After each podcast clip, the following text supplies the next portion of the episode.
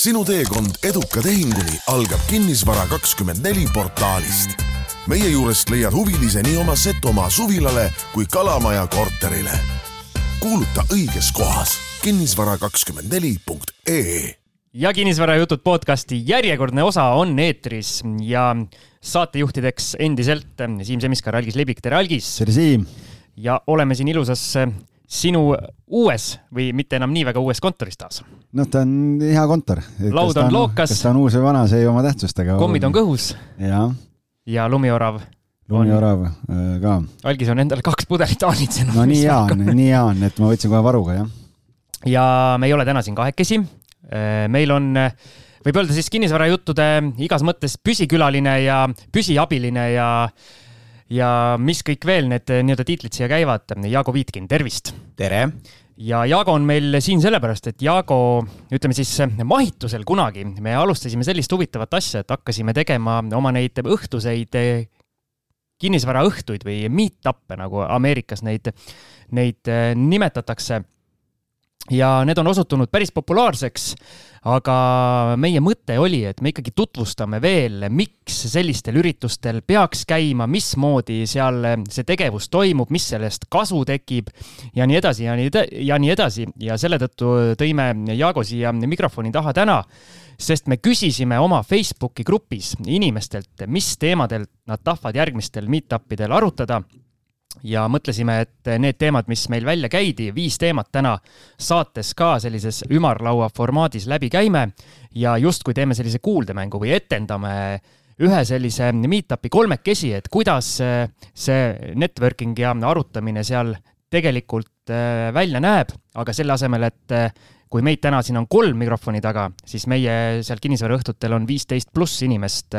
oma sisendit andmas ja seal tarkused eri nii jagamas kui ka siis kogumas. aga Jaago, ma küsin sult kohe siis, et sina oled hästi selline nii-öelda meet-up'ide usku ja networking'u usku, see on selline ameerikalik eh, stiil, ainult suhelda, silmad säravad eh, naeratus näol, et mis, mis mõtted eh, nii-öelda sinus selline meet-up indus tekitab ja miks, miks sulle need meeldivad, need kokkusaamised? no sellepärast, et need on kasulikud, ütle mulle. no aga kuidas need kasulikud on? No ei, ei oska, ma ei, ma ei kujuta ette, kuidas, kuidas teistmoodi leida usaldusväärseid partnereid, äh, kui mitte nendega suheldes ja, ja, ja teemadest rääkides, et äh, et sa võid ju, ma ei tea, oma tutvusringkonnast äh, hakata küsima, et kes, kes kus tegeleb kinnisvaraga, et siis selle ühe inimesega kohvi äh, minna jooma ja, ja, ja vaadata, et kuidas koos midagi arendada saaks, versus see, et äh, et ühe kutsumise peale lähed, istud maha, jood kohvi viieteist pluss inimesega ja, ja arendad täpselt neid samasid teemasid ja, ja omast kogemusest ütlen, et mm, minu kõik kinnisvaraärid on saanud sarnastest, sarnastest kohtumistest alguse ja, ja tänu sellele ma ka kunagi, kui ma teie saadet hakkasin kuulama, kirjutasin teile ja ütlesin, et, et sellised sellised, sellised asjad on ka vaja teha, et kui te juba selle kinnisvaraklubi siin veate. kuule, aga mina tahaks korra astuda sammu tagasi ja tegelikult äh, sa olid pikalt Ameerikas ja nagu Siim enne ütles, et noh, et need meet-up'id on seal nagu hästi populaarsed, et äh, meie oleme sellega kursis, aga räägi kuulajatele ka, et äh, et mismoodi need USA-s toimivad seal ja seal on ju ka erinevad, erinevad formaadid nendel asjadel, et, et sa oled rääkinud, et seal on need, et lähed oma, oma mingi äriplaaniga kohale, presenteerid, otsid rahastust, mingid erinevad asjad, et äh, mis, mis, äh, mismoodi see, kui või kui, kui levinud see Ameerikas on üldse? et jaa, neid formaate on erinevaid ja, ja neid on nii palju, kui, kui palju sul fantaasiat on, aga aga miks mina kunagi neid, neid, nendel käima hakkasin või mis see põhiline erinevus on, on see, et et sa näed ikkagi äh, silmast silma inimest ja suure tõenäosusega sa kohtud inimest, kes tegeleb sellega, noh, kinnisvaraga siis sinu piirkonnas, versus see, et sa helistad kuhugi raadiokuulutuse peale kuskile suurele kurule ja siis satud mingisugusesse müügitunnelisse ja, ja võib-olla ostad mingisuguseid programme, mis töötasid kümme aastat tagasi kuskil teises osariigis, teistel tingimustel, et see ei ole nagu see, et see on, ma ei ütle, et need ei et, et sealt saadud info on äh, üdini jama, aga ütleme, et otse ahjust tänasel tänases turus toimivaid strateegiaid sa kuuled ikkagi nende inimeste käest, kes kes seal õhtul oma lugusid räägivad ja, ja küsimusi küsivad ja, ja sa saad ju olla ka kuulaja, kuulad, kuidas nende probleeme lahendatakse ja ainult õpid. Ja üks asi, mis ma siia ise vahele, vahele käiks, on, mis minu jaoks näiteks ei ole üldse vähe, vähetähtis, on see, et kui sa ühel sellisel õhtul ära käid, siis see motivatsiooni boost, mis sa sealt saad, see kannab sind ikkagi päris, päris pikalt, et äh, ikkagi kui mina meie meet-up idel olen ära käinud ja, ja ka kuulanud seal erinevaid lugusid, üritanud kaasa rääkida oma kogemuse pealt, siis, siis äh, ikkagi järgmine päev tahad seal KV-s scroll ida ja vaadata, et kus siis, kus siis järgmised asjad portfelli tekkima peaks. no, no sinu enda näide on ju kõige parem see, see on päris elu näide, elu näide, kuidas sa leidsid omale partneri ju. et äh, äripartner, et Heikiga tegite, saite täpselt seal kokku noh, nüüd küsimus on, kas ta Facebookis oleks temaga niimoodi connect inud ja samasuguseid äh, investeeringuid hakanud tegema, ma ütlen, et äh, pigem mitte. ja, ja minul on meeles näiteks üks, üks näide, kus meie maailmakuulus poemüüja, kes meil siin saates külas käis, olgu ta tervitatud, tegelikult tema viskas õhku laua taga küsimuse, et tema tahaks oma portfelli viia ettevõtte alla, aga et noh, et tundub keeruline ja ei tea, kust alustada ja kuidas ja mis ja kõik ja, ja asjad. ja siis oli meil üks, üks tore naisterahvas Viljandist oli kohapeal, kes pärast seda meet-up'i järgmine või seda kinnisvaraõhtut järgmine päev kirjutas või oli isegi sama õhtu, kirjutas ja ütles, et, et kuule, et kas sa saaksid jagada selle inimese kontakti, et ma tahaks teda aidata et ma aitaks tal need sammud ära teha, et kuna ta tegeleb raamatupidamisega, et, et siis ta aitaks nagu tal ära teha need, need sammud. Ja me viisime omavahel otsad kokku, nii et, et tegelikult isegi kui koha peal ei märka küsida kontakte, siis äh, näost näkku on kohtutud, sa enam-vähem tead, kes see inimene on, mis juttu ta rääkis, kõik, kõik need asjad. Ja, ja pärast seda saab tegelikult seda nii-öelda mingit koostööd või, või võimalikke asju nagu veel edasi arendada. no vot täpselt, see, see oligi hea näide, et see, see online'is suht, suht, suhete loomine, see, see ka töötab, aga, aga näost näkku, see on järgmine, järgmine level, et sulle julgetakse anda ka sellist sellist noh, mitte lihtsalt anonüümselt kuhugi seina peale kommenteeritud nõuannet, mida sa ise ka võib-olla nii palju ei usu, kui seda, kui, kui inimene ütleb, ma olen raamatupidaja ja mina teeksin nii, et meil on neid näiteid juba kümneid ja kümneid ja kümneid, et, et Siim võib oma näidetest juristide või pangalaenude või Eh, mi-, mi-, millega iganes rääkida, et, et, et see, see on lihtsalt järgmise leveli tagasiside ja, ja, ja see on ka inspireeriv, nagu sa, Siim, ütlesid. just, ja sa, sa ei tea tegelikult kunagi, kes meil seal laua taga on, meil on seal ehitustaustaga inimesi olnud, on päris suuremahulisi arendajaid, ka siis nii-öelda kuskilt mujalt valdkonnast erinevate nii-öelda tegude mehi, ütleme siis, ja naisi ka, et. Äh, ja on ka neid, kes ei ole üldse kuidagi kinnisvaras veel, vaid tulevadki julgust koguma ja kuulama, mida räägitakse selleks, et astuda esimene samm. kuulsast äh, Forest Gumbist võttes, siis meie meet-up'id on nagu äh, šokolaadikarbike, sa ei tea kunagi, mis sa sealt saad on nii, eks? ühesõnaga, nüüd me oleme siin. pluss tük..., pluss head süüa saab ka veel, et ja. kuna see on restoranis toimub. ise peab maksma muidugi. noh, see on jah see on miinuseks järgmine kord algis maksab. aga nüüd me oleme tükk aega rääkinud, kui kasulik see asi on. Ja nüüd läheme siis selle osa juurde, et kui me küsisime oma Facebooki grupis, mille nimi muuseas, kes veel ei tea, on samuti kinnisvarajutud, liituge, kes veel ei ole seda teinud, seitse pool tuhat inimest on seda teinud ja päris aktiivne grupp on. On nii, Algis? on küll, et tegelikult saab ka seal kõiksugu küsimusi küsida ja inimesed väga aktiivselt ka vastavad, aga, aga jah, et et nagu Jaago tulge kõik, on see, on see laul. Noh, sa võid siia vahele lõigata Noored selle lõigu võib-olla jah, et. jah, ühesõnaga ja siis me, siis me küsisime, mida järgmisel kokkusaamisõhtul, mis teemadel tahetakse arutada, kuna meie point on tekitada selline just nii-öelda ümarlaud ehk siis kõik, kes vähegi tahavad, saavad rääkida, saavad sõna ja, ja pigem on nii-öelda arutelu, mitte nii, et üks seisab püsti ja loeb paberilt kõnet maha, et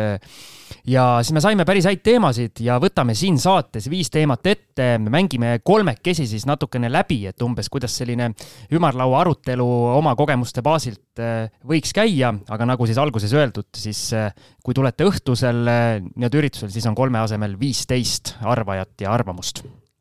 mõnikord ka rohkem, sellepärast et Siim ei oska inimestele ei öelda ja no. siis on ka üle book imist olnud. Siimul on kõik numbrid, mis on üle kümne, on juba, juba problemaatiline, ehk siis. Äh, siin need ei ole tootlusnumbrid, Siim, need on osalejad, et. aa, ah, okei okay ja, ja ühe asja ütlen veel vahele, et tagasihoidlikud eestlased, et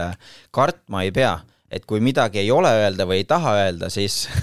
siis see on ka okei okay,, et või ütled kaks lauset ja ütled, et rohkem polegi midagi öelda. üks oluline asi veel tegelikult on see, et äh, kui võib-olla endal tundub, et ma ei tea, sa praegu kuulad kuskilt Jõgevalt või Saaremaalt või kuskilt, et äh, et oh, nii pikk, äh, pikk maa Tallinnasse tulla, siis kas või sellepärast tasub juba ühe korra nii-öelda üritada siis saada sinna piiratud inimeste hulka et, et seesama tore, tore naisterahvas Viljandist siis tegelikult võttis initsiatiivi ja tegi peale seda, kui ta käis Tallinnas meie kinnisvaraõhtul, tegi Viljandis kohalikele kinnisvarahuvilistele investoritele samasuguse ürituse, et sa võid tegelikult võtta selle mudeli ja teha enda kodu juures täpselt sama asja. kopeerida. jah, copy yeah. with pride. aga, aga mina julgustan kõiki üle Eesti, Eesti tulema, et meil on tegelikult, me, me kohtume Kristiine keskuses ja päris tihti on nii, et inimesed on rongiga tulnud äh, kuskilt kaugemalt ja Kristiine peatuses maha tulnud. ei no meil on üks põhikäija on ju Hiiumaalt ja tervitame Aivot. jah, et äh, kõige kaugema kandi mehed on alati, alati praktiliselt kohal, nii et mingeid vabandusi teistel olla justkui ei tohiks, aga ma, Viljandi kohta on ka päris mitu head laulu algis no selles mõttes, et me teeme eraldi playlist'i teeme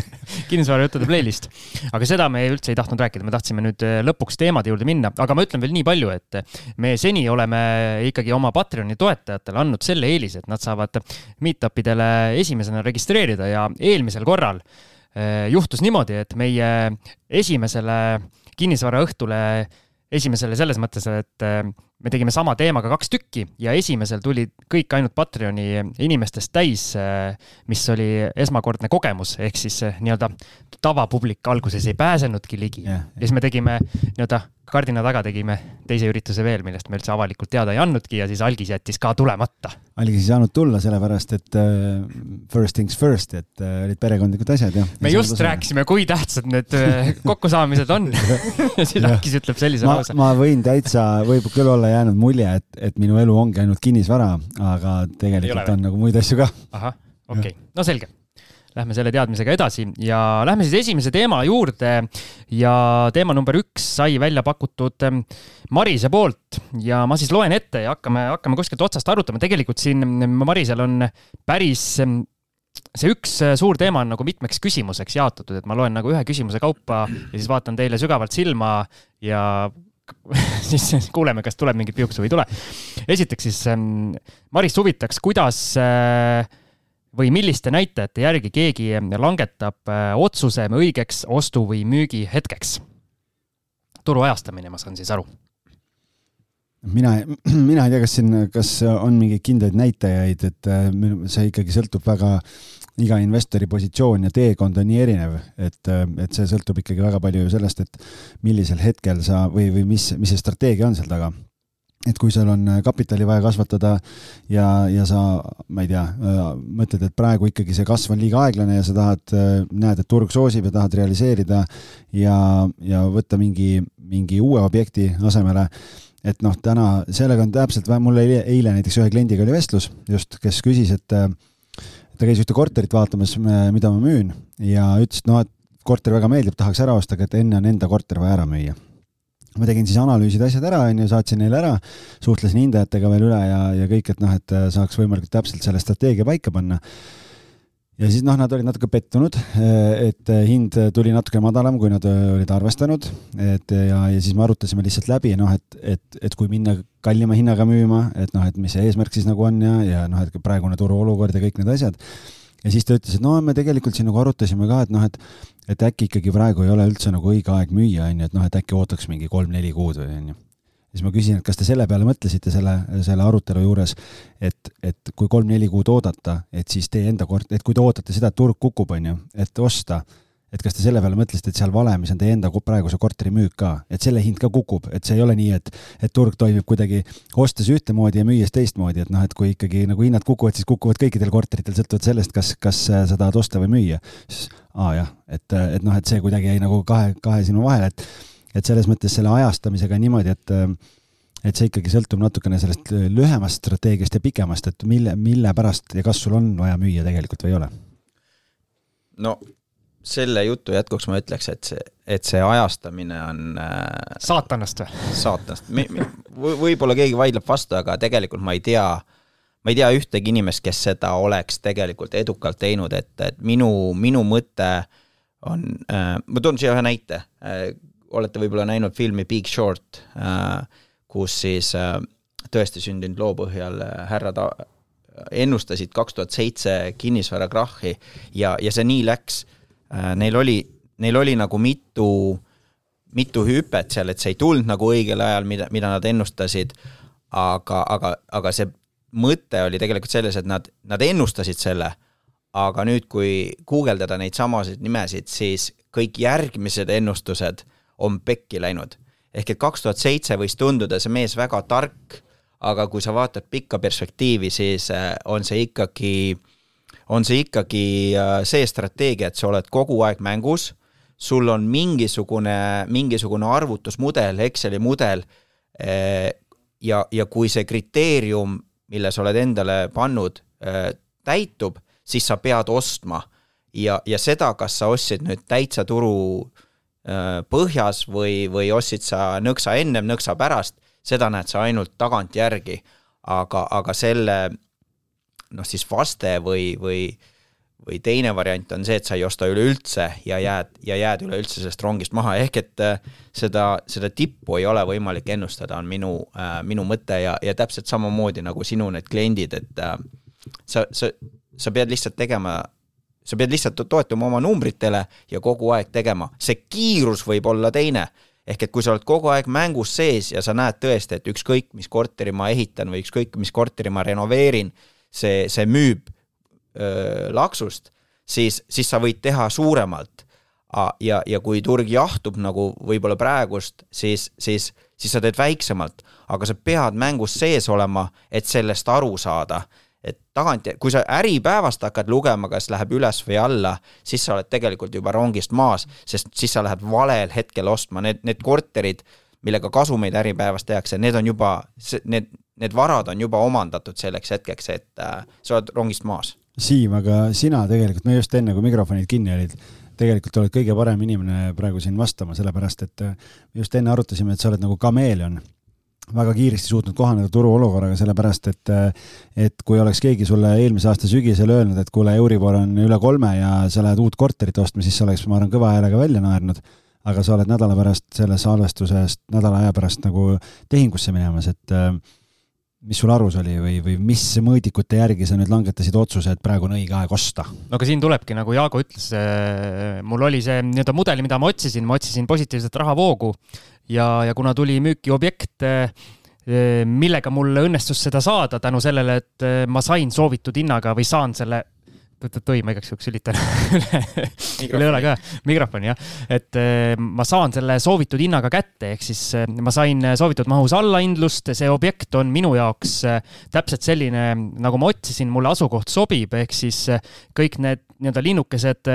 läksid kirja, seal on mingid väiksed miinused, aga me ju teame kõik kinnisvara puhul, et nii-öelda ideaalset objekti põhimõtteliselt ei, ei eksisteeri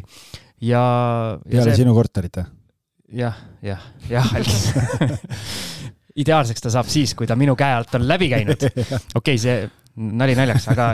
jah, põhimõtteliselt vastus oligi see, et selle tõttu ma siis notarisse minemas, minemas olingi. ehk siis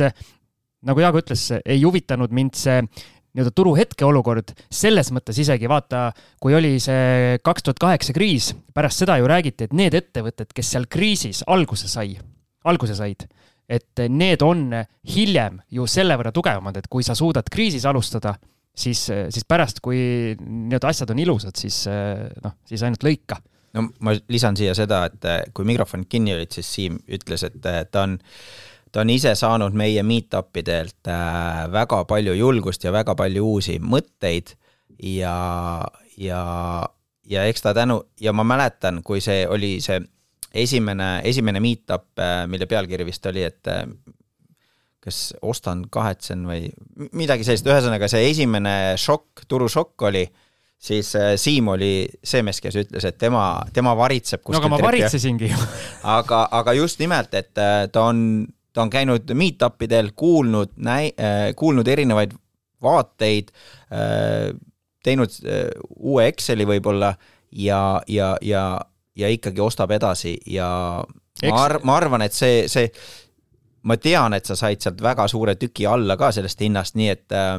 et igal ajal on omad plussid, tuleb, tuleb diile otsida. Excel on sama, Excel on sama, aga numbrid on teised seal. tegelikult eh, see ei olnud esimene meetup, aga see oli, see, Jaago mõtles eh, seda, kui tuli info, et Euribor ostan, müün või hoian sees ja, ja ei liiguta. just, just, just ja, ja siis oli see, et Euribor tõuseb või oli juba tõusnud ja siis oli oligi see, oligi küsimus, et noh, et mida siis keegi teeb ja see viieteist inimese läbilõige seal laua taga oligi nagu noh, sama ümmargune eh, tulemus kui praegu meie vastus selle koha pealt, et seal oli inimesi, kes ütlesid, et mina jätkan ostmist. seal laua taga oli inimesi, kes ütles, et analüüsin, jälgin, vaatan, mis turg teeb ja üks osa ütles, et nüüd kindlasti tükk aega ei osta, sellepärast et paremad ajad on ees. ja ühte õiget vastust ei ole, sest igalühel on oma riskitaluvus ja oma strateegia. aga, aga seal ma lisan siia, et seal taga oli enam enamuses vähemalt olid taga põhjendused ja, ja kui see, kui sa need kaasa mõtled ja läbi, läbi kuulad, siis, siis sul saavadki mingisugused pildid äh, selgemaks enda peas et äh, noh, ma ei, ma ei tea, kui kaugel Maris on, aga tundub, et ta ei ole veel ostnud või, või, või kõhkleb. ma tean, et on. Marisel ah, on, on, on, on, on, on kortereid no,. aga ta tahab veel. tal on isu kasvada, et. no vot, aga nagu... siis jah, see. aga, aga selles mõttes te, tegelikult selle jah, et selles mõttes ma olen Jaagoga nõus. me peame vaikselt edasi liikuma, Algis, aga ei, et selles mõttes, et, et ma olen Jaago, ei lähe, ei lähe. et äh, ma olen selles mõttes Jaagoga nõus, et, et see, see, et seal olid väga erinevad arvamused, seal ongi see, et noh, et kui sa seal seltskonnas istud, siis kellegagi sa ju samastud ja sa kuulad selle inimese põhjenduse ära, siis mõtled, aa jaa, näed, ta mõtleb samamoodi nagu mina või, või kuidagi, et aa, kuule, ma ei olegi seda vaatevinklit üldse nagu mõelnud, et sa saad teistsuguse perspektiivi hoopis võib-olla oma senisele, ma ei tea, hirmule või, või mingile asjale, mis aitab su sealt nii-öelda kännust üle. aga kui Jaago ütles, et, et mina seal meet-up'il ütlesin, et ma nii-öelda varitsen, siis see minu varitsemine ei tähenda seda, et ma nii-öelda aktiivselt ootaks, et mingi, mingi diil mulle suhu jookseks, vaid ma enne, kui ma selle otsuse, nii-öelda ostu, ostuotsuse tegin, siis ma käisin ikkagi circa kahtekümmet korterit vaatamas, tegin erinevaid pakkumisi ka ja, ja seal diiliks ei läinud läinud. Eh, ehk siis eh, minu varitsemine oligi see, et kui ma leian ju eh, nii-öelda õige saaklooma, mida siis nii-öelda rappima minna, siis ma lähen teen selle ära ka, niisama ei ole mõtet ju. kiskja. jah, aga lähme nüüd edasi ja siis Marise teine küsimus on, kuidas keegi püüab aimata turu tippu või põhja ja ma arvan, sellest eelmistest vastustest me võime lühidalt öelda, et meie siin laua taga nii-öelda ei lähegi aimama ja ma tahaks näha inimest või, või organisatsiooni, kes äh, väidab, et ta suudab. iga kord äh,. iga kord jah, et, äh, et selles mõttes, kui sa kolmest arvad ära ühe tipu, tipu või põhja, siis äh,, siis tegelikult see protsent on täpselt, täpselt selline, et sa nende nõu ikkagi kuulata ei saa, sa pead jah, lihtsalt turul sees olema ja,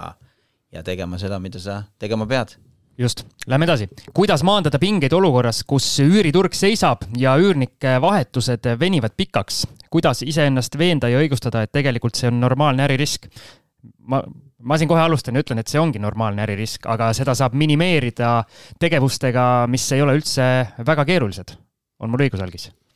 jaa, ja tegelikult mina ütlen nii, et ähm, esiteks on see, et ma olen üllatunud, et keegi noh, et praeguses turuolukorras, et üüriturg seisab, sellepärast et äh, nii palju, kui ma olen aru saanud. see võib-olla ei olnud mõeldud nagu just hetke ah,, hetke et, kohta. et vaid üldistavalt. et, et selles mõttes, ähm, et üürnike vahetused venivad pikaks, siis ähm, ma ütleks selle peale, et ähm, tegelikult selle vastu kõige parem rohi on ikkagi tähtajatu leping sellepärast, et eh, reeglina, kui sul on tähtajatu leping, seal on eh, kolm kuud ette teatamist lepingu lõpetamisel, minu kogemus näitab seda, et kui üürnikel on vaja minna,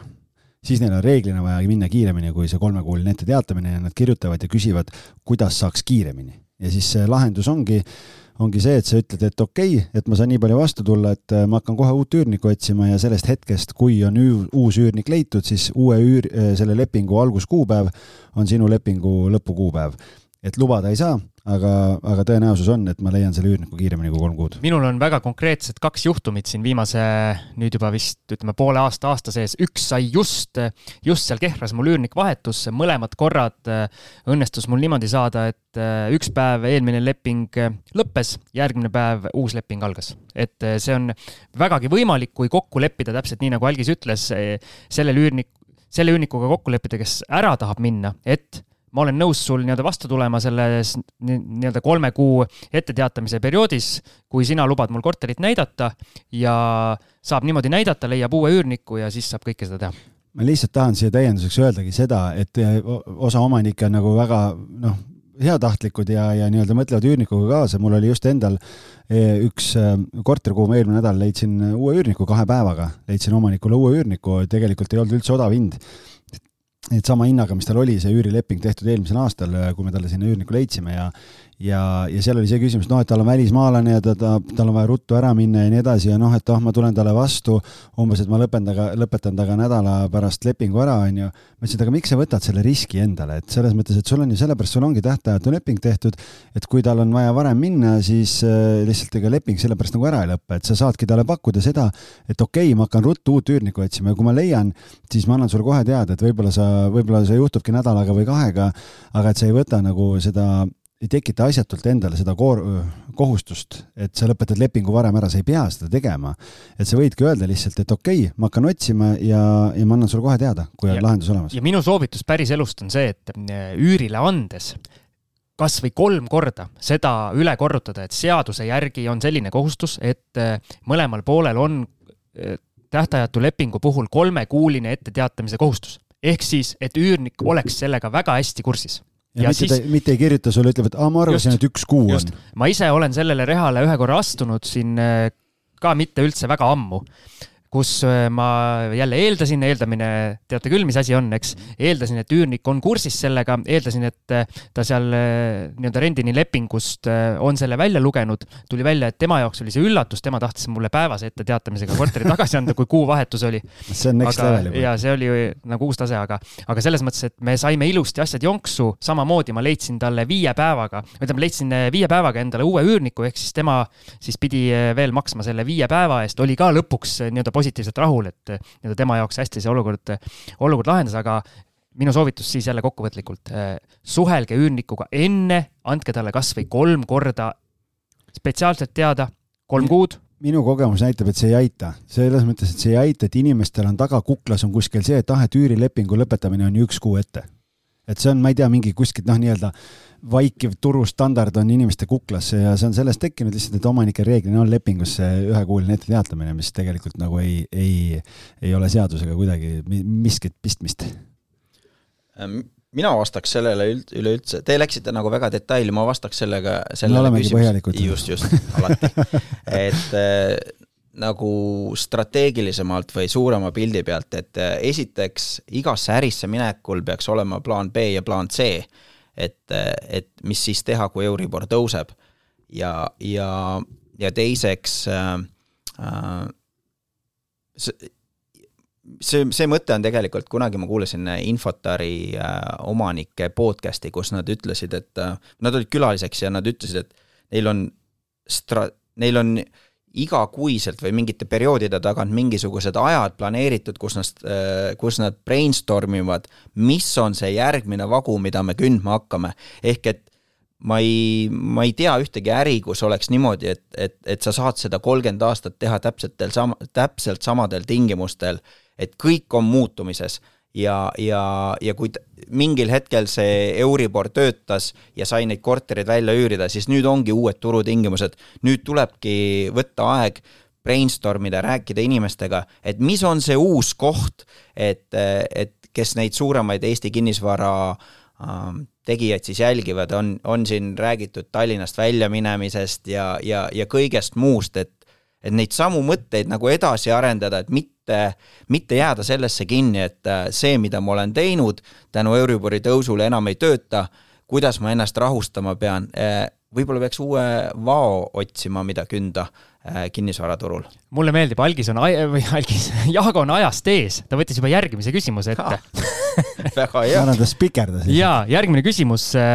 kuidas üldse selle Euribori hirmus jääda rahulikuks ja ajada rahulikult edasi oma asja, seda isegi olukorras, kus hetkel üüriga enam laenumakset ära ei katagi. ehk siis täpselt Jaago rääkis selle jutu ära. minul jääb ainult see lisada, et kui sa teed objekti ostes sellise eeltöö, et sa juba selle riskistsenaariumiga arvutad läbi, sest me ju mingil hetkel teadsime, et Euribor hakkab kasvama ja, ja näiteks mina olen äh, viimased, viimased ajad arvutanud äh, intressiga kaheksa kõik oma, kõik oma asjad läbi, mida ma nii-öelda kavatsen osta või vaatama lähen, et äh, vaadata, kas numbrid mingilgi moel töötavad. kui ei tööta, siis ei tööta ja sa võid selle numbri endale rahuliku, nii-öelda rahuliku une, une tagamiseks ju panna veel kõrgemale, kui sa tahad. ja siis sul on see nii-öelda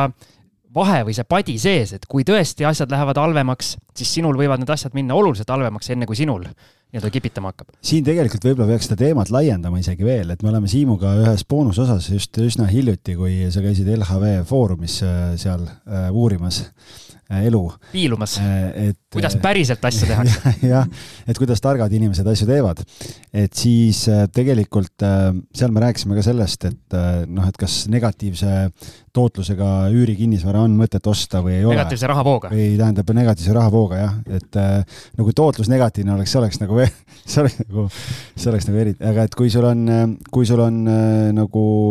natukene negatiivne selle Euribori tõttu et noh, et siis, siis ongi nagu küsimus selles, et ähm, jälle, mis see pikem strateegia on või, või mille pärast sa ostad või ja just, et kuidas sa oled siis äh, neid riske maandanud selleks, et kui juhtub ja seal on muidugi väga erinev jälle, et kui sul on üks korter või sul on viis või kümme, et noh, et noh, ma kipun arvama, et kui sa ei ole kümmet korterit korraga ostnud äh, ühte majja näiteks samal ajal, et siis sul kõikide objektide rahavoog tõenäoliselt negatiivne ei ole, ehk et siis sa juba vaatad nagu portfelli baasil seda, et kui sul üks korter teeb miinust ja ülejäänud teevad plussi, siis suures pildis ei ole tegelikult nagu viga midagi. ja siis peab vist vaatama seda olukorda, et kui sa nii-öelda näed, et see asi on ajutine ehk siis lootust on, et Euribor mingil hetkel kuskil madalamal tasemel stabiliseerub, arvutad läbi, et kas siis sul need objektid töötavad, kas sa nii kaua suudad seda negatiivset rahavoogu kuskilt nii-öelda muude muudest kanalitest siis toetada, kui suudad ja sa usud, et äh, see asi on ajutine, siis äh, ei pea kohe tõttama müüma. aga üks variant on siis ju, kui sa näed, et see objekt võib-olla ei hakkagi kunagi tööle, nii nagu sa soovid, siis ega müümine on ju ka üks äh, kinnisvara, kinnisvaraäri nii-öelda lahendus või üks samm vot seda ma mõtlesingi, et see plaan B, plaan C, et, et, et ükskõik, kas see on siis üüriturg seisab või Euribor muutub et, et need võiksid olla paberil ja ega kõiki stsenaariumeid ei näe, ei näe mitte keegi ette. kõik stsenaariumid ei lõppe ka ju üdini positiivselt. jah, aga, aga siia vahele ma ütlen. võiks lõppeda minu, minu üks äh, mentor Ameerikast, Mitch, ütles sellist asja, et äh, kakskümmend kaks aastat kinnisvara teinud ja, ja tema üks mõte oli, et iga kord, kui ma mõtlesin, et ma kukun ja murran jalaluud, siis tegelikult ma kriimustasin põlve. Et kinnisvara ongi selles mõttes nagu äge asi, et et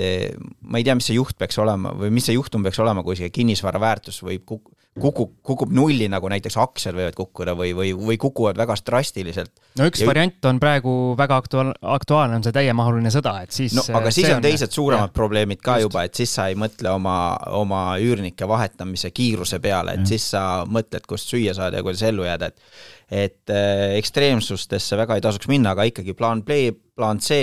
ja, ja tule räägi, mõtle, sa saad need, sa saad need plaanid oma, need varuplaanid oma äriplaani teistega suheldes. Aga siin lihtsalt selle küsimuse juurde tulles, et noh, et seda isegi olukorras, kus hetkel üüriga enam laenumakset ära ei kata, siis minu meelest, kui me rääkisime ka sellest negatiivsest rahavoost, mingi postitus oli meil kinnisvarajuhtude Facebooki grupis, kus ma ei mäleta, keegi, keegi inimene tõi jumala hea lihtsustatud näite sinna, et ta ütles, et kui see rahavoog on äh, negatiivne kümme eurot näiteks, aga sul üürnik maksab igakuiselt laenumakset tagasi sada eurot, siis tegelikult ei ole väga paha diil. selles mõttes, et keegi teine inimene maksab ostab sulle kinnisvara. ostab sulle kinnisvara põhimõtteliselt, et, et iga kuu natukene oma taskust panna, jah, küsimus on lihtsalt selles, et et kust läheb see piir, kust valus hakkab ja kui sa teed seda nii-öelda ainsa asjana, kui sul ei ole neid äh, muid vahendeid, kus seda nii-öelda puudujäävat raha tuua, eks, või siis nii-öelda kogu portfell on suurelt negatiivne, näiteks oledki sada korterit ostnud, suur investor ja kõik lähevad nii-öelda kümne euro, euri võrra negatiivseks, siis võib nagu valus olla, aga aga minu meelest äh, nii-öelda algise point on õige, et see jäetakse tegelikult tähelepanuta, et reaalsuses äh, üürnik ostab sulle seda kinnisvara pikas plaanis. No siin võib küll üks, üks mõte, mis mul selle jutu peale tekkis, et see plaan B näiteks võib olla see, et kui need korterid on ostetud mingi jadana, mitte ühe korrana, ühe korraga, siis arvatavasti see esimene on ju, on ju siis ostetud nagu rohkem turu põhjas ja, ja seda laenu rohkem tagasi maksta, see plaan B võibki olla, et kui nüüd nende uuemate korteritega juhtub see, siis plaan B on see, et ma müün esimese ja selle laenu ja selle vahe või väärtuse vahe pealt selle rahaga siis katan ma ei tea, kui kümme korterit olid, siis seda üheksat korterit, seda negatiivset rahavoogu mingil ajal katan. ehk et neid strateegiaid strateegiad on ja, ja, ja tasub läbi mõelda need. ja minu plaan B, mida ma just äsja oma portfelli peal tegin eh, detsembrikuus, oli lihtsalt laenude refinantseerimine. ehk siis eh, Euribori tõustes mul ka hakkas kogu portfell minema sinna nulli suunas, refinantseerisin uuesti laenud pikemaajalise graafiku peale, sain veel nii-öelda, kuna ma olin nüüd panga silmis parem klient kui nende esimeste laenudega, mis ma võtsin, siis ma sain ka nii-öelda paremaid tingimusi, ehk siis refinantseerisin kõik laenud ära ja sain jälle oluliselt äh, nii-öelda paremate, paremate jahimaade peale siis. ma, ma mäletan, et see teema oli meil meet-up'il ka. ja, ja selle sa, idee sa, ma sain sealt. jaa, sa said ja. sealt mingi eureka, ma täpselt detaile ei mäleta, aga mingi, mingi idee sa said sealt kuskilt. jah, mul tundi nii-öelda poeti, poeti külje alla, kui meil juba tegelikult see ametlik osa läbi oli lihtsalt infoks, et meil tavaliselt kolm tundi on seal aega, siis meid visatakse restoranist välja ja siis me jätkame kuskil seal külma õhu käes. Äh, koridoris või ja, väljas. värske õhu käes no õnneks suvi tuleb nüüd, et ja, nüüd saab õues ka jutustada. ja, ja mul üks, üks kogenud investor puges, puges külje alla, ütles, et kuule, et miks sa seda või miks sa neid laene ei refinantseeri, et mõtle selle peale, ma, ma hakkasin nagu mul tavaks on alguses oma sõrguga kohe vastu, ah mis ma. ja siis natukene nii-öelda vajas settimist eh, kuu või kaks ja siis äh, hakkasin tegutsema. nii et äh, ma ütlen, mina olen nendest nii-öelda õhtutest väga palju kasulikku saanud ja ma arvan, et ma olen juba saanud selliseid asju ka, mida ma veel ei tea, et mul läheb vaja, aga õigel hetkel, kui seda vaja läheb, siis mul on kuskil, kuskil kuklas see asi olemas, aga lähme edasi, kuulge Algis ütles, et me teeme meil tunni täna, ajaga. meil täna ei ole kolm ja. tundi ju Algis ütles, et me teeme. minul küll ei ole tunni ajaga selle saate ära ja meil on eh, juba see aeg ühe teemaga läinud pea, peaaegu. okei okay,, see selleks. hei üüriinvestor, otsid järgmist põnevat projekti? vaata kindlasti Kinnisvara kakskümmend neli portaalist, kust leiad värsked pakkumised nelikümmend kaheksa tundi varem kui mujalt. teema number kaks, Helen küsis, remondimehed ja remont saadavus, hinnad, remondi maksumused, kuidas neid haruldusi ehk remondimehi leida, levinumad vead ja nii edasi. kas on remondimeestel mingi oma Tinder kuskil? see on suur kuluosa, mida üldse pole detailselt käsitletud. siin äh, ma kohe alustan ja ütlen Helenile, et on küll detailselt kasut-, käsitletud äh, meie õhtustel äh, kokkusaamistel ja tegelikult äh, flip imise saadetes on ka käinud läbi äh, kõik need teemad ja minu meelest sealt on ikkagi kõlama jäänud see, et kõikidel on välja kujunenud oma kindlad äh, koostööpartnerid ehk et sa kuskilt pead alustama, esmajärjekorras leidma, Facebookis on erinevaid gruppe, kus on ehitus ehitusalased grupid ja asjad, äh, kust kindlasti leiab, lihtsalt küsimus on selles, et väga oluline on vaadata, küsida referentse või, või vaadata seni tehtud töid ja asju. et väga liiga palju on muidugi ka neid lugusid, kus mingid sossepad tulevad ja, ja üks asi, mis äh, on üks suur viga, mida tehakse, on see, et kui keegi tuleb, küsib, äh, võtad uue, uue partneri endale ja võtad ja ta küsib esimese asjana viiskümmend protsenti ettemaksu, siis nagu kindel ei kohe, et seda viga ei tohi teha. et just nagu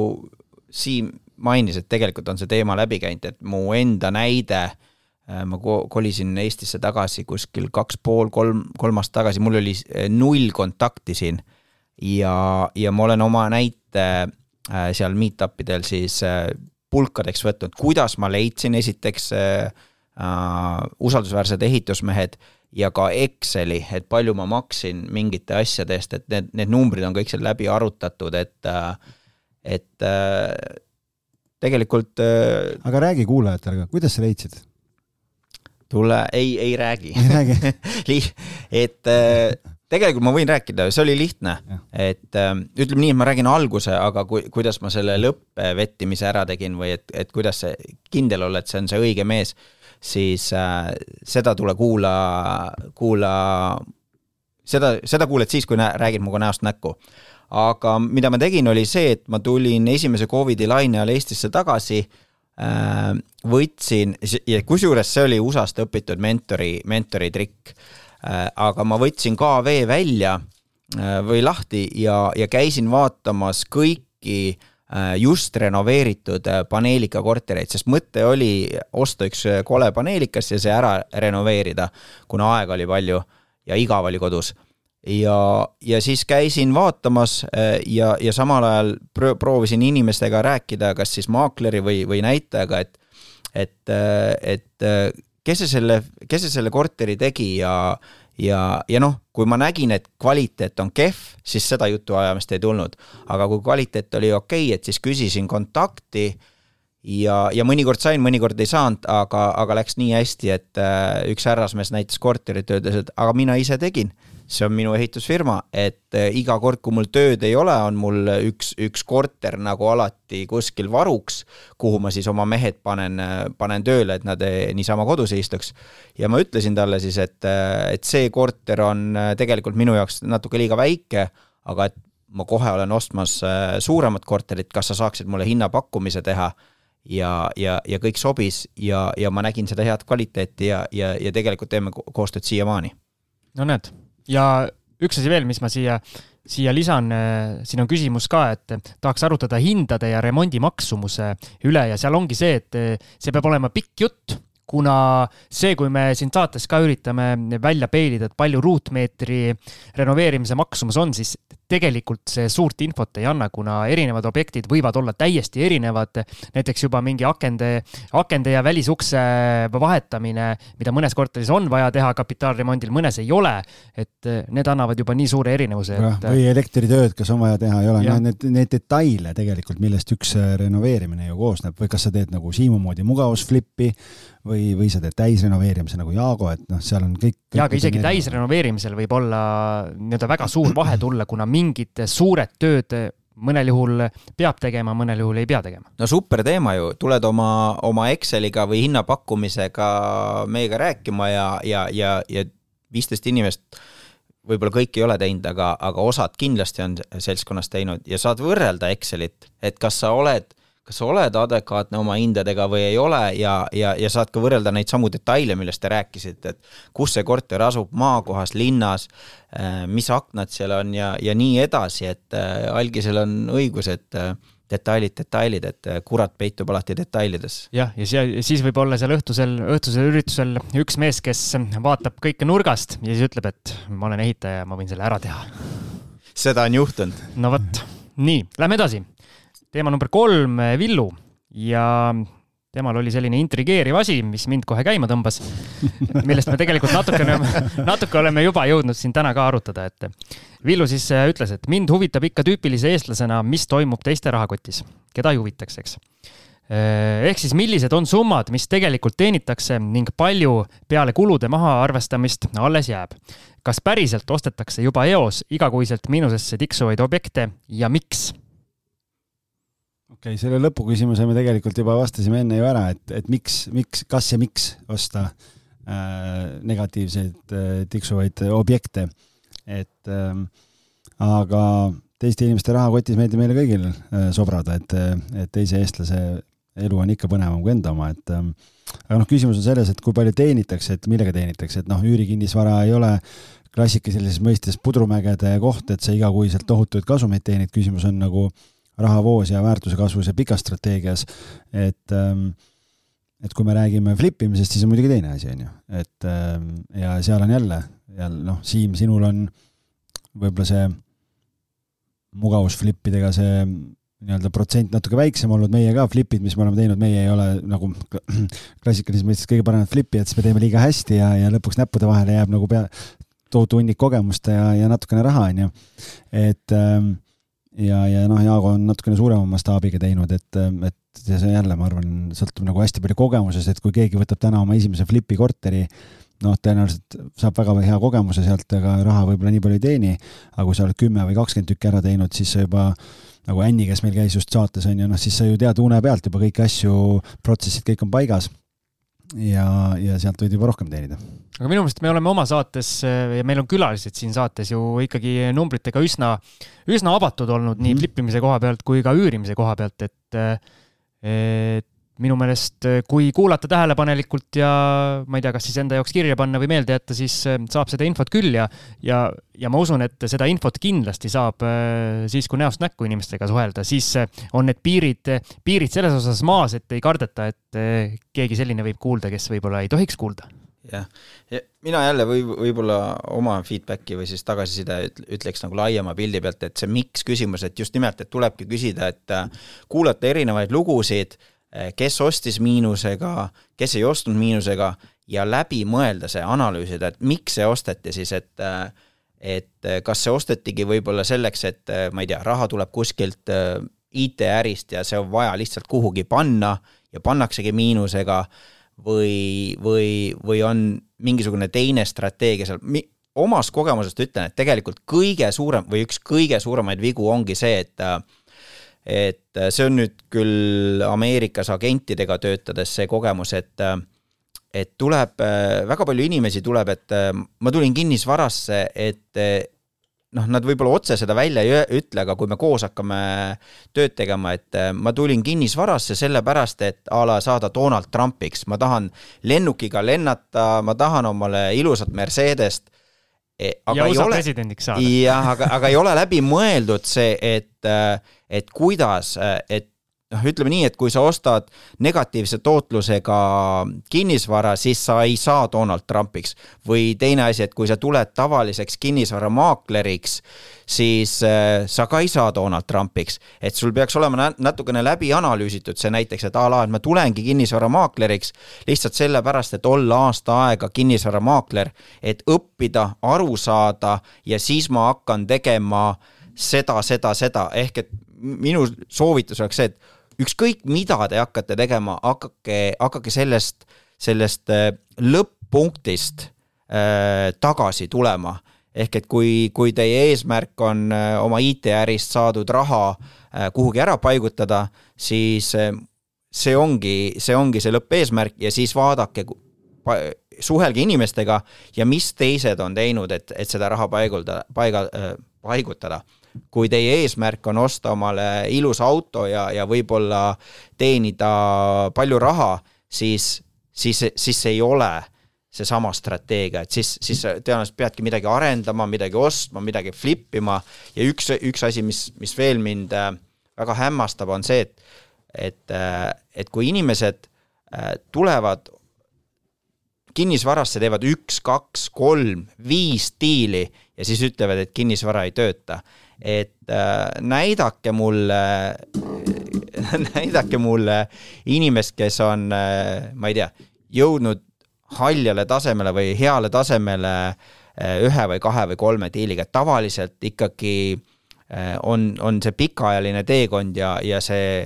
ükskõik, oled sa siis maakler või, või arendad sa maju või kortereid,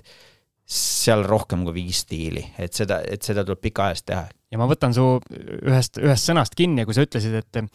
kui sa tuled maakleriks, siis sa ei saa Donald Trumpiks, aga kui sa tuled maakleriks, siis sa saad algis liblikuks. no vot, jah ja see on juba peaaegu sama hea, kui olla Donald Trump. jah. see on teine strateegia, aga, aga tõesti, tegelikult ju algis on äh, vähemalt Harjumaa, kui mitte Eesti üks, üks edukamaid kinnisvaramaaklereid ja, ja kui sa oled selle enda jaoks läbi analüüsinud ja, ja ütleme nii, et sa tahad oma praeguse ülemuse lahti lasta ja olla tulevikus äh, iseenda peremees ja iseenda firma äh, tegija nagu algis, siis äh,, siis jumala pärast, tulebki jälgida neid samme, mida, mida algis on teinud, et sinna jõuda ja no ma räägin siin tasuta praegu, mul on siin turundusjuhid on siin äh, laua taga praegu, HR ja turundus on laua taga, et teevad tasuta tööd siin, et. Äh, kiida lolli, siis loll teeb. ausõna ei olnud kinni makstud reklaam, et. Äh, aga, kui, siis ainult kohvi ja kommidega. aga selle Villu viimasele küsimusele veel vastates, siis äh, nagu Jaago juba ütles pikalt, siis ma ütlen lühidalt, jah, ostetakse ka igakuiselt miinusesse tiksuvaid objekte ja ostetakse kohati niimoodi, et investoril on on plaan, miks see sobib ja ostetakse ka niimoodi, et lihtsalt investorid ei tea, mis nad teevad ja, ja siis vähese teadmise tõttu teevad seda. see on kurb. see on kurb jah, ja rohkem teadmisi saate meie käest. nii, teema number neli, Tarmo küsib äh, või ütleb siis, et öeldakse, et koostöös on jõud. kust leida endale usaldusväärne partner, et üks pluss üks oleks kolm? sellele me oleme vist kogu selle salvestuse ajal juba vastanud. suhelge, suhelge. kui see praeguseks seda vastust teil ei ole, siis ma soovitan seda saadet otsast peale hakata kuulama ja siis saab selle vastuse kätte. just.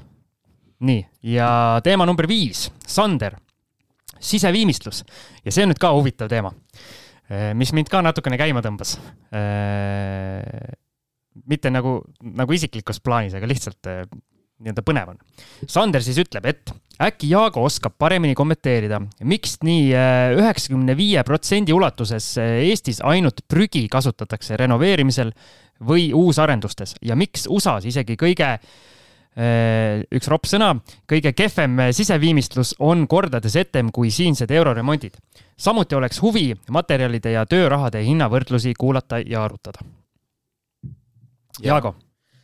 miks siis on niimoodi et, et üheksakümne viie protsendi ulatuses Eestis ainult prügi kasutatakse? aga kas on? no ma ei tea. ei mi, mina ütlen, et äh, omast kogemusest jälle ma ei, ma ei julge öelda nüüd, et äh, terves Ameerikas see niimoodi on, aga, aga nendes osariikides ja nendes piirkondades, kus mina äh, flippisin ja ka uusarenduste äh,, uusarendusi nägin, mm, kuna kuna mul ka kinnisvaramaaklerite äri seal on, siis, siis tegelikult üleüldiselt ma ütlen, et see ei ole nii. Et äh, Ameerikas on seinad palju rohkem kõverad kui, kui Eestis ühes äh, uusarenduse majas. Ja, ja ma olen tegelikult äh, nendes videodes seda isegi rääkinud, see, kuna, kunagi tegime ühe videopäeviku ühe Ameerika maja flip imisest, et äh, kellel on huvi, kirjutab Siimule ja Siim ütleb, kus need videod praegust on. aga, aga seal on äh, reaalelu näidetega näidatud ja, ja lahti ka räägitud, miks see nii ei ole. ja kusjuures sellesama maja flipi kõik numbrid Exceli sa tõid meile ju sinna kinnisvarajuttude õhtule ka no. ja, ja rääkisime seal läbi ka veel, see oli üks, üks esimestest kokkusaamistest ehk et me oleme tegelikult Sanderi teema juba ära, ära lahanud, et täpselt et mul... oligi USA, USA versus Eesti numbrid, numbrid nii-öelda paberil ja nii-öelda mhm. kvaliteedi teema ja kõik. ja, ja, ja siin on jällegi hästi palju detaile, et, et selles mõttes, et ma olen, ma olen maju renoveerinud äh, New Yorgis ja, ja ma olen maju renoveerinud äh, Äh, Lõuna-Jersey's, kus on maapiirkonnad, et äh, hinnad on väga erinevad, et, et sellist üht, ühtset numbrit, et kas Eestis on äh, soodsam või, või, või kallim, ei, ei ole. ei, ei, ma vähemalt mina ei oska öelda, et äh, nii, nii kõhutunde pealt ma ütlen, et jah, et Ameerika, Ameerika inimene on ostujõus tugevam ja see ehitusruut, ruutmeetri hind siis või ruutjala hind on äh, arvatavasti tema sissetulekule kergem vastu võtta seal, aga jällegi, nagu ma mainisin, see oleneb, kui, kui sa oled New Yorgi piirkonnas ja, ja su keskmine või, või selle piirkonna keskmine sissetulek on sada tuhat dollarit aastas versus see, kui sa oled kuskil maa, maakohas ja, ja seal on võib-olla nelikümmend tuhat aastas sissetulek, et siis täpselt samamoodi nagu Eestis, et äh, erinevad piirkonnad, erinevad sissetulek, Harjumaa ja Viljandi ei ole sama sissetulekuga ja, ja ka ehitushinnad ja ka maahinnad on kõik erinevad, et äh, aga Jaago, ma küsin niipidi, et vaata noh, Eestis me oleme rääkinud varjatud puudused, ehituskvaliteet, noh, kõik see pool, et et sa nagu päris üle jala ei saa teha ikkagi, et kui sa mingit jama korraldad, siis pärast, pärast võib see nagu valusalt kätte maksta, et kuidas USA-s sellega on, et USA on ju teada-tuntud kohturiik, on ju. et, et kui sa seal flippe ja asju tegid, et noh, kui sa paned seal nii-öelda ah, suva on ju, et teen, teen lipp lipi peal, lapp lapi peal ära, et, et kui reglementeeritud või kontrollitud seal see asi on? Äh, jah, seal on see, ütleme nii, et see, see lõigatakse, lõigatakse nurki on võib-olla äh, paha sõna, et ei, ei lõigata Eestis ega ei lõigata Ameerikas, et tehakse täpselt seda standardit, mis turu, mis turg vastu võtab, et kui, kui sa teed ikkagi väga kehva toote ja see ei müü, siis järelikult äh, sul on sta-, li, standard liiga madal aga, aga Ameerikas jah, et äh, see kohtus käimine ja, ja oma õiguste nõudmine on kindlasti teisel tasemel kui Eestis. Mm, võiks ju arvata, et äh, tänu sellele seal, seal tehakse kõik väga korralikult ja, ja on kõik väga täpselt välja arve, arvestatud, et mis, mis soojasüsteemid, kui suurtele majadele näiteks panema peab, aga, aga mul on endal olnud case'e, kus tehakse tutikas maja ja, ja, ja soojasüsteem ei ole piisavalt võimas, et, et seda maja ära, ära toita või ära soojendada. Ja, ja tegelikult oli see süsteem müüdud väga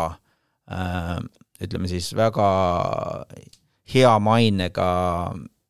äh, firma poolt, ehk et äh, juhtub, aga, aga nii nagu Eestis, ma arvan, et ennem kui need lähevad kõik kohtusse, ennem, ennem on veel mitu sammu seal, et äh, lihtsalt inimesed tulevad, parandavad ära. Ja, ja ega teinekord äh, noh, nii nagu Eestis, et kui sul on tsiviilhagi, siis, äh, siis kui sa oma raha tahad tagasi saada, et siis siis sa pead kõigepealt advokaadid palkama ja, ja minema seda, seda kohtuteed käima ja siis, kui sa võidad, on sul lootus, et sa saad oma kulud tagasi, aga, aga kui ei võida, siis ka ei saa, ehk et, et mõni arendaja kindlasti ka Ameerikas mängib selle peale, et äh, noh, et see on liiga väike asi, et mind kohtusse võidaks kaevata, kaevata. aga kas äh, USA koduostja või korteriostja või tähendab majaostja on siis kuidagi vähe nõudlikum, et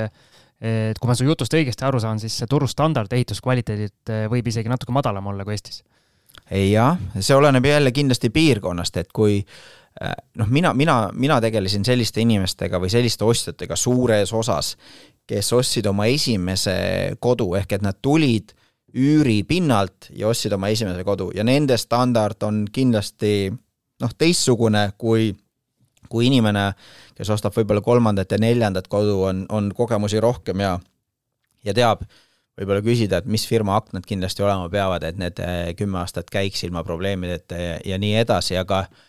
aga ma ütlen, et ei, jah ja ei, et äh, näiteks seal on väga levinud ütleme, ütleme üheksakümmend üheksa protsenti koduostjatest tuleb, ostab kodu äh, siis äh, ma ei tea, kus, kui, kui selle ehi-, noh, ma ei tea, kuidas see eestikeelne vaste on. ehitusjärelevalve või midagi sellist? mitte ehitusjärelevalve, aga ütleme, ehitusinspektor tuleb, vaatab kodu üle ja, ja, ja makstaksegi seal no,. ehituskaitsebüroo pakub Eestis just, just, et äh, Eestis see nagu nii levinud ei ole, aga aga üheksakümmend üheksa protsenti äh, majadest, millega, millega mina seotud olin, ostjad kasutasid sellist teenust ehk Home et, inspection või? just, home inspections, et äh, et nad maksavad selle ise kinni ja lasevad maja nagu üle vaadata ja aga, aga ikkagi noh, ütleme nii, et tegelikult äh, ehituskvaliteedi üle need, äh, need home inspektorid tegelikult nagu ei, ei, ei nori, et nad ei, nad ei, võib-olla ei nori seda, et kui palju sul üks või teine kahelkivi natuke seinast tur-, turritab, nad pigem vaatavad seda, et et kui sa katuse oled vahetanud ära, et siis sul oleks seal ikkagi standardile vastav arv äh, sarikaid, et see katus nagu kaela ei kukuks, et noh, ongi, ütleme, et see mingis osas on see kvaliteet ka, ka subjektiivne, et et noh, kui kõver su või, või kui mitu millimeetrit siis su, ma ei tea, uksepragu võib olla ühelt poolt suurem kui teiselt poolt, et see, et kõik uksed igal hetkel äh, täpselt sama arv millimeetreid ukse vahel on, noh, ei ole, ei ole reaalne, et isegi, isegi kui ta ehitushetkel oli, siis need on puuuksed ja mingi aja pärast on nad vajunud ja paisunud ja et äh, et jah, aga, aga suures pildis võib öelda, et mina ütlen oma kogemuselt, et äh, pigem on Eestis ehituskvaliteet parem kui Ameerikas ja, ja majad on kindlasti palju-palju-palju soojapidavamad, kui olid näiteks New Jersey's, kus on ka äh, neli aasta aega. mis seal inimesed teevad siis, külmuvad või? Ei, seal on lihtsalt odav gaas ja, ja odav elekter, et äh, köötakse lihtsalt äh.... lõke on kogu aeg põrandal ja anna tuld. jah, ütleme, ütleme nii, et äh, noh, oleneb jälle maja suurusest, aga paarisaja dollarine gaasiarve on nagu see, nagu standard, ütleme nii, et siis ja, ja jällegi, kui sa oled kogu aeg maksnud seda, siis, siis nüüd, et see maja tehakse rohkem soojapidavamaks ja siis öeldakse, et kahesaja tuhande asemel on see kakssada seitsekümmend viis tuhat, siis, siis inimene ei näe sellel pointi, nad ongi, see turg on harjunud teistsuguse tootega ja nende jaoks on teistsugune, seda saab muuta, ma ei ütle, et ei tasuks näiteks Ameerikasse parema soojapidavusega maju, ma ei tea, kas eksportida või ehitada, on ju, et et aga siis sa, siis sa saad aru, et sa muudad seda turustandardit, on ju, et sa tuled kuskilt mingisuguse teise tootega ja, ja ja jah, et sa siis peadki tutvustama oma ja, ja ära seletama, miks sa küsid seitsekümmend viis tuhat dollarit rohkem. super, meil on teemad otsas ja. tegelikult teemasid jagub veel, aga nii-öelda Facebooki grupist jah, jah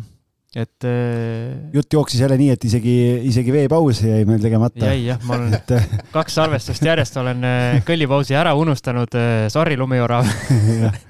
et meil tavaliselt ikka lumiorava vee, vee külge ka vahel jah, või, või saame kosutada ennast, aga õnneks vett jo, läheb niisama ka, nii et saime. algis sai nii kaua vait olla, et ta seal kogu aeg kaanis vett vahepeal.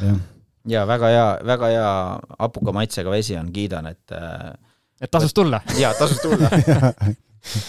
aga umbes sellised arutelud meil siis äh, nendel kinnisvaraõhtutel ka toimuvad, aga nagu öeldud, äh, rohkem rahvast, äh,